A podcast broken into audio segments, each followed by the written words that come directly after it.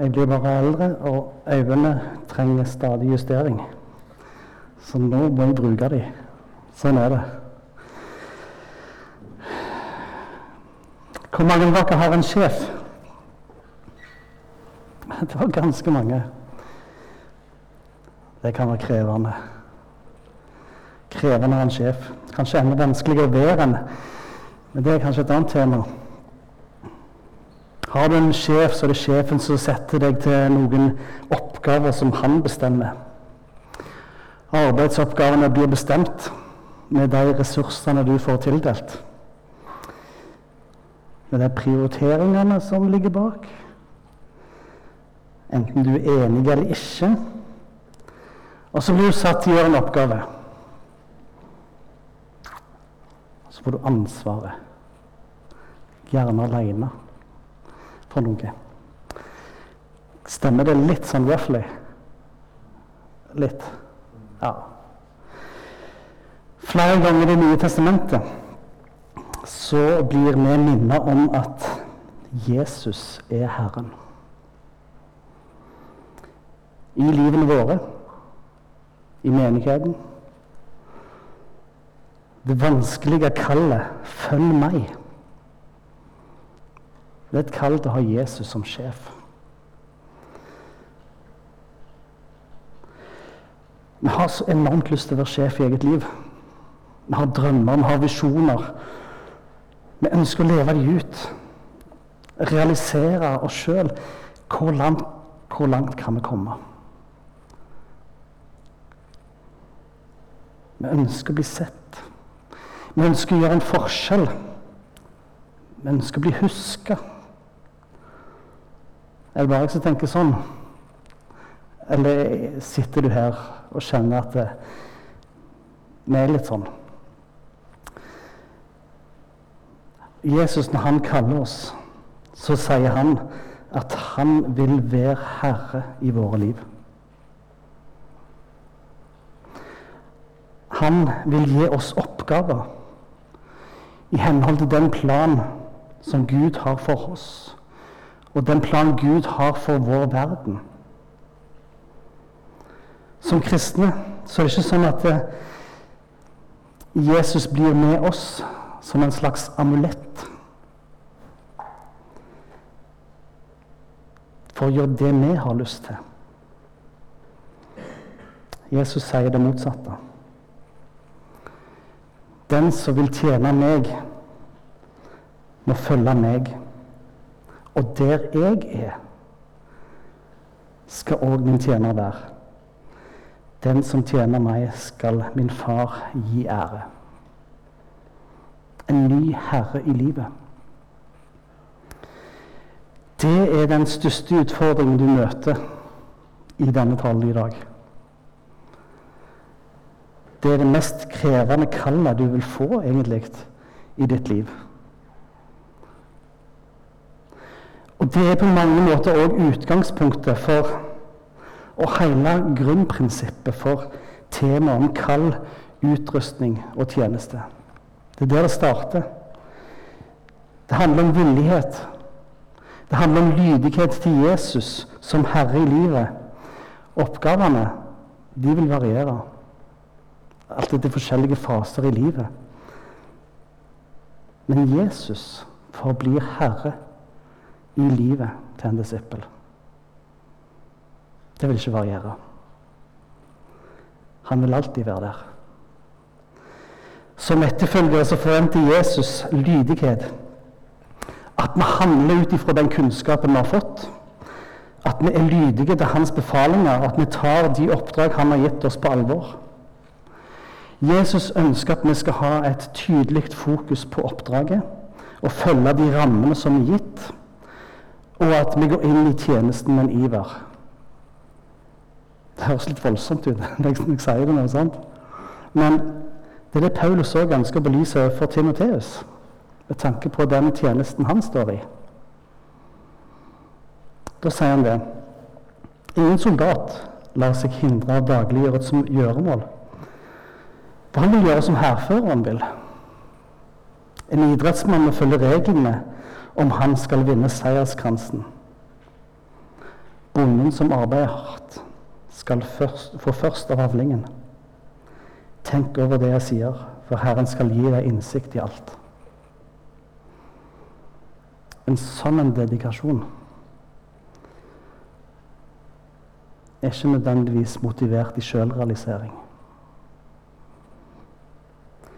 Hensikten, målet, er ikke å bli sett. Gud vil kalle seg inn i en tjeneste for seg, ikke for å bli sett av mennesker rundt oss nødvendigvis. Det vi gjør i stort og smått, er en Guds tjeneste. Ikke en tjeneste for å bli lagt merke til, for å høste takk eller velsignelse.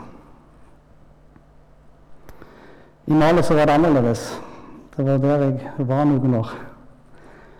Um, der var mange muslimer. Og der, for dem var det viktig at gjerningene ble sett.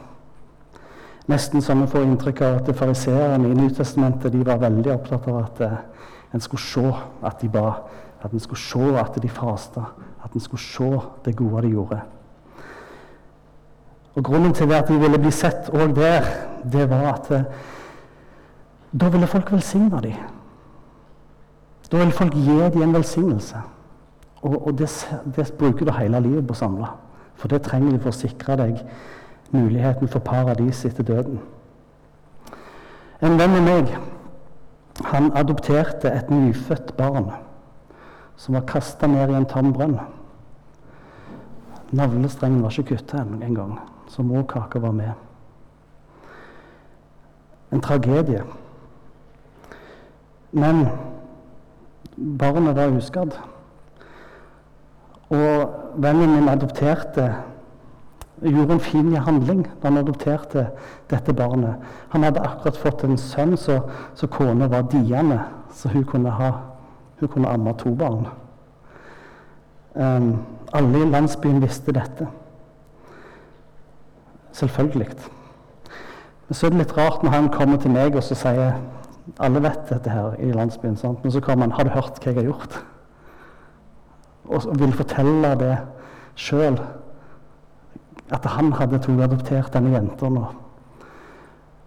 Det var en fin handling, men det var liksom rart at en skal skryte over hva en har gjort. Jeg er ikke vant med det. Men sånn var det ifølge hans livssyn. Velsignelsen var betalingen for det en en gjorde. Tjenesten var for å få en velsignelse. Sånn er det ikke for oss. Nå tar jeg en tekst som er litt oppmuntrende. Nei, det var, han er kanskje ikke det for de fleste. Hva sier Jesus? Dersom en av dere har en tjener som er ute og pløyer eller gjeter, vil han da si til tjeneren når han kommer hjem fra markene, Kom nå og sett deg til bords. Nei, han vil si, lag kveldsmaten, bind opp skjortelen og stå til tjeneste for meg mens jeg spiser og drikker. Etterpå kan du sjøl få deg mat. Takker han vel tjeneren for å ha gjort det han var pålagt? Et retorisk spørsmål. På samme måte med dere. Når dere har gjort alt som er pålagt dere, skal dere si. Og det liker vi ikke. Vi er unyttige tjenere som bare har gjort det vi var skyldige å gjøre. Det var jo oppmuntrende. Jeg er kanskje litt rar, for når jeg leser den lille fortellingen her, så kjenner jeg at jeg finner en hvile i tjenesten. For det er så tydelig at her er det Gud som har kontrollen. Det er han som bestemmer. Og så får han en oppgave, og, og, og, så skal han få lov til å gjøre det. Men vi ber ikke hele ansvaret. Det er hans arbeid vi blir invitert til å være med på. Vi får lov til å bli Guds tjenere. Vi får lov til å bli Guds medarbeidere. Han har gitt oss oppgaver som vi på mange måter òg skylder å gjøre. Og dette ser ikke så veldig bra og nice ut. Men om du takker en brannmann om du takker en politi, om du takker en lege for å ha redda deg, fanga en skurk, slått en brann eller hjulpet deg til å få helsa tilbake igjen, så er det veldig stor sjanse for at eh, de vil svare ja, men det var jo jobben min. Det var jo jobben min. Det var ikke, jeg er ikke noen spesiell helt, selv om jeg slokte denne brannen. Jeg er jo jeg skulle bare, Det er jo det jeg gjør. Sånn kan vi få lov til å hvile og tenke litt om vår tjeneste i Guds rike òg. Vi tjener ikke Guds rike for anerkjennelse, respekt, for å samle velsignelser. Vi tjener fordi vi har en herre i livet som har satt oss til en oppgave som vi på alle måter skylder å gjøre, med tanke på alt det han har gjort for oss. Så med dette utgangspunktet så begynner vi å lure på hva plan har Gud? Gud har en plan med ditt liv. Paulus skriver en del om nådegaver og tjenester i korinterne. Dere har sikkert sett litt på det i løpet av høsten. Dere har snakket om kall og utrustning. Derfor bare plukket ut to vers fra kapittel 12. Vers 11 og 18. Alt dette gjør det ene og samme, samme ånden, som deler ut sine gaver til hver enkelt slik han vil. Og 18. Men nå har Gud gitt hver enkelt lem sin plass på legemet, slik han ville det. Kristi legeme, som vi får være en del av, er bygd opp av forskjellige lemmer. Vi får hver vår plass på dette legemet. Alt dette som Gud ser at det er mest tjenlig. Han setter oss inn i, som lem i dette legemet, sånn som han vil. Og så gir han utrustning sånn som han vil. Dere hører på en måte sjefsprivilegiet. sant? Gud er herre. Det betyr at du får ikke Det handler ikke om å på en måte få den oppgaven den plassen en plent har lyst på. Det er ikke sånn at en jobber for en karrierestige i Guds rike. Vi blir tildelt en oppgave, en plass, en tjeneste. Og Gud vil gi oss nådegaver som utruster oss til akkurat denne tjenesten. Og det som kreves av oss da, er villighet og lydighet. Gud setter oss inn i tjenester, eller kaller oss til tjenester. Når han gjør det, så er det ikke sånn som en verdslig sjef, som av og til kan sette oss inn i umulige oppgaver. Det ikke, som ikke passer til vår personlighet eller skills. For Gud vet mer om deg enn du sjøl gjør. Han kjenner òg din framtid. Han vet hvem han ønsker å sette deg i kontakt med. Han går foran og legger til rette, legger til rette oppgaver som akkurat du passer perfekt inn i. Han sender deg ikke ut i oppgaven alene. Han lover å være med. Og Det er noen helt fantastiske rammer som Gud gir oss for. Han lover utrustning og medvandring 24-7. I den tjenesten du blir kalt til. Altså, det er trygt. Det er trygt å følge Guds kall. Så kan det godt være at du diskvalifiserer deg sjøl. Liv Randi var litt inne på det. En kan diskvalifisere seg sjøl fordi en tenker at ja, jeg kan ikke være predikant, jeg kan ikke være misjonær. Jeg kan for lite om Bibelen, jeg ber for lite. Og sånn som Liv så Bibelen er full av mennesker som kjente seg overvelda over det kallet som Gud møtte dem med. Og Da liker jeg det sitatet. Det passet godt til det Liv Randi sa. At eh, God does not call those who are equipped. He equips those who he has called. Det handler ikke om 'jeg er klar, for jeg kan ditt og datt'. Nei. det, er ikke, det, det, det jeg sjøl skal realiseres. Han vil utruste deg til den oppgaven han har satt deg til.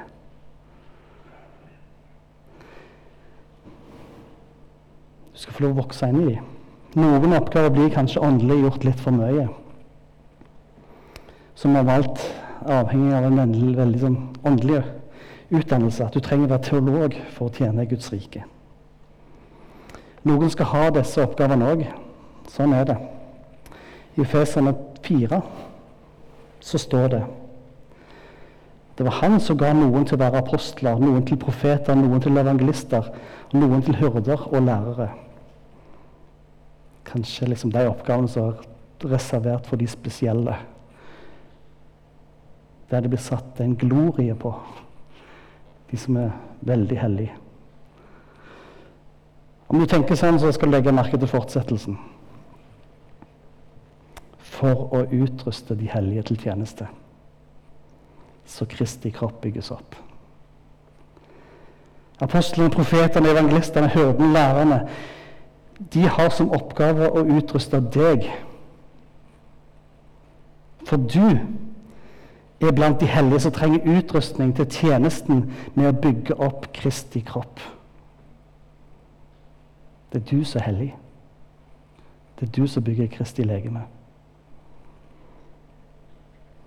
Var du klar over at du var så sentral i Guds plan med å bygge Guds rike? Nå i kveld så er det min oppgave når jeg stiller meg fram her, det er å prøve. Og det har jeg bedt om. Jeg har bedt om hva utrustning trenger dere. For det er det som jeg er satt her for. Å gi dere utrustning utrustning til den tjenesten som du står i der du er nå.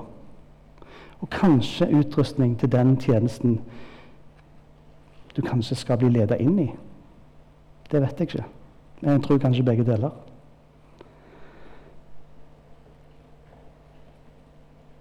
Gud ønsker å komme deg i møte og gi deg den utrustning du trenger. for å bygge Guds rike. Vi er mange som kanskje trenger å bli vekket litt opp med, hvor, med en bevissthet om hvor viktig vi er i Guds plan. For Gud ønsker våkne, bevisste og dedikerte etterfølgere. Spenn beltet om livet. Hold lampene tent. Vær lik tjenere som venter sin herre hjem fra bryllupsfesten og står klar til å lukke opp for ham så snart han kommer og banker på. Lykkelig er de tjenere som Herren finner våkne når han kommer. Sannelig, jeg sier dere, han skal binde opp skjortelen. la dem gå til bords, og selv gå fram og tjene dem. Disse versene adresserte jeg. Det handler om en tjener som kjenner sin Herres vilje, som vet hva oppgaven er tildelt, som er trufast i sin tjeneste i lydighet og iver. Og denne tjeneren vil Herren tjene sjøl når han kommer. En fantastisk setning som er typisk sånn for Guds opp-ned-rike.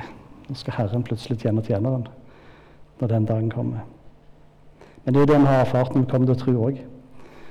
I jula nå så møter vi Jesus, Gud, som barn. Som ble en tjener, som ga sitt liv for å redde oss. Som nedverdiga seg for å tjene deg. Dette tjenersinnet hans er gitt oss som forbilde. Hva er Guds vilje?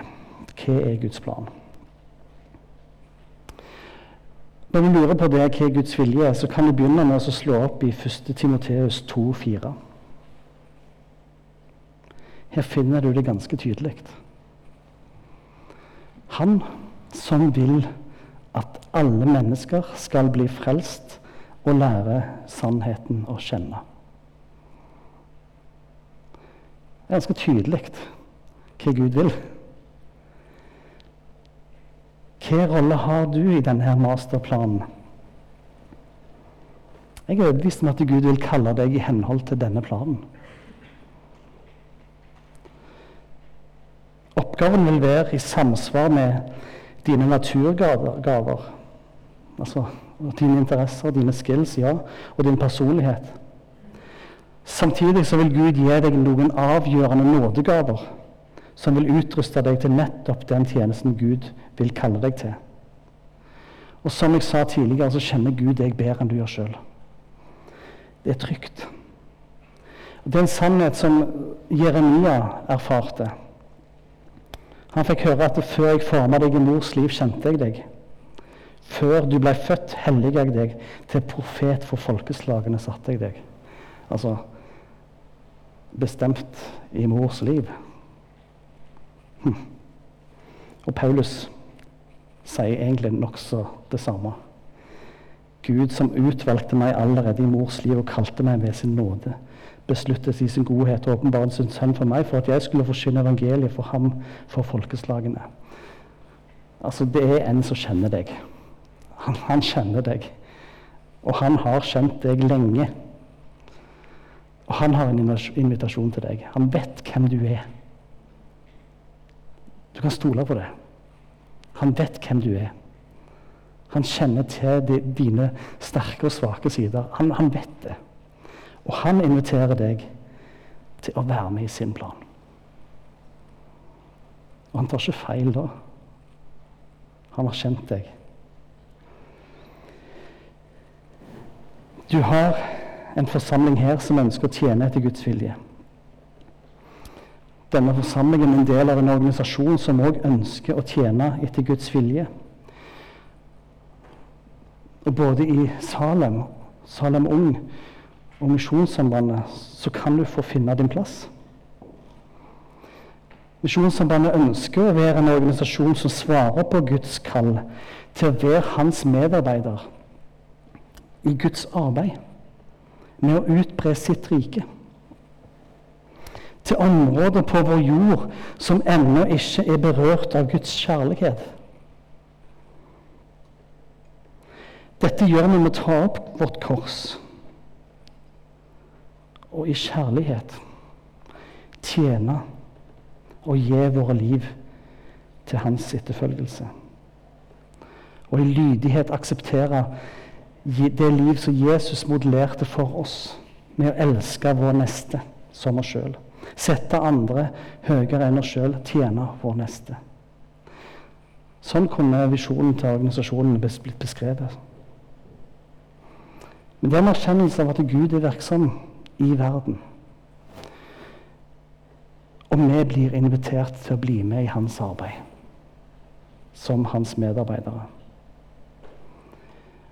Og vi ser at Gud er virksom i verden i dag. Det er en enorm vekst i kirkene i Sør-Amerika, i Afrika, i Asia. Frem, frem til 1990 det er ikke så lenge siden. I 1990 så var halvparten av verdens kristne ifra Vesten. I dag utgjør kristne i Vesten en femtedel av verdens kristne. Det vokser noe enormt. På 80-tallet var det sånn at kristendommen er en vestlig imperialistisk tankegang. Det kan vi ikke si lenger. For de fleste kristne kommer fra Afrika, Asia, Sør-Amerika. Det er ikke et vestlig fenomen lenger. Vi er en femtedel. Gud er virksom. Det skjer noe. Så Gud har gjort store ting de siste 30 åra. Vi hører om at muslimer får syner og drømmer. Guds rike vokser, for Gud er virksom. Og uten at det er folk på bakken, faktisk. Gud virker ikke bare gjennom menighetens fire vegger. Gud er virksom blant folkeslagene. Og han trenger medarbeidere. Og nå har jeg brukt det ordet ganske mange ganger, og dere tenker kanskje at det er store ord. Men jeg våger å bruke det fordi Paulus bruker det. Han sier det at uh, vi er Guds medarbeidere, og dere er Guds åkerland, sier han til de Korint. Guds bygning. Medarbeider. Guds rike er et legeme, og vi er alle lemmer på Kristi legeme. Og Jesus sjøl er hodet. Det er ikke snakk om mange legemer. Det er ett legeme, og det er globalt. Det finnes ikke en kristen Jesus, nei, en norsk Jesus og en tysk Jesus og en taiwansk Jesus. Det det er en Jesus for alle. Det er ett legeme. Det som er viktig for et sunt legeme Nå er det leger her, så jeg skal være litt forsiktig. Men eh, blod er viktig. sant? Ja. Eh, for det gir liv. Ja. Og, og, nerver er jo ganske viktig, fordi eh, det signaliserer både behov og litt instruks. Ja, det er godt.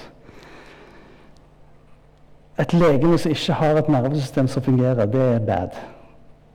Hvis hånda og fingeren brenner seg, og kroppen ikke reagerer og trekker den vekk, da går det galt. Hvis det globale legemet er der, kjenner vi omsorgen for det globale legemet? Mottar vi kommandoen om å legge til nye lemmer på dette legemet? Fungerer nervesystemet? Kjenner vi at det er noen behov som, som trengs? Litt oppmerksomhet.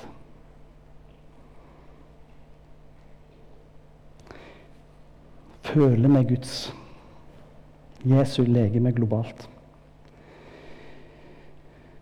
Hva Gud gjør i vårt, vår tid, hvor Han har bruk for oss i et globalt perspektiv, kjenner vi på det av og til. Åpne vi øynene og ser at det kommer kristne immigranter til Norge. Gud sender nye medlemmer til våre menigheter for å bygge opp sitt legeme her.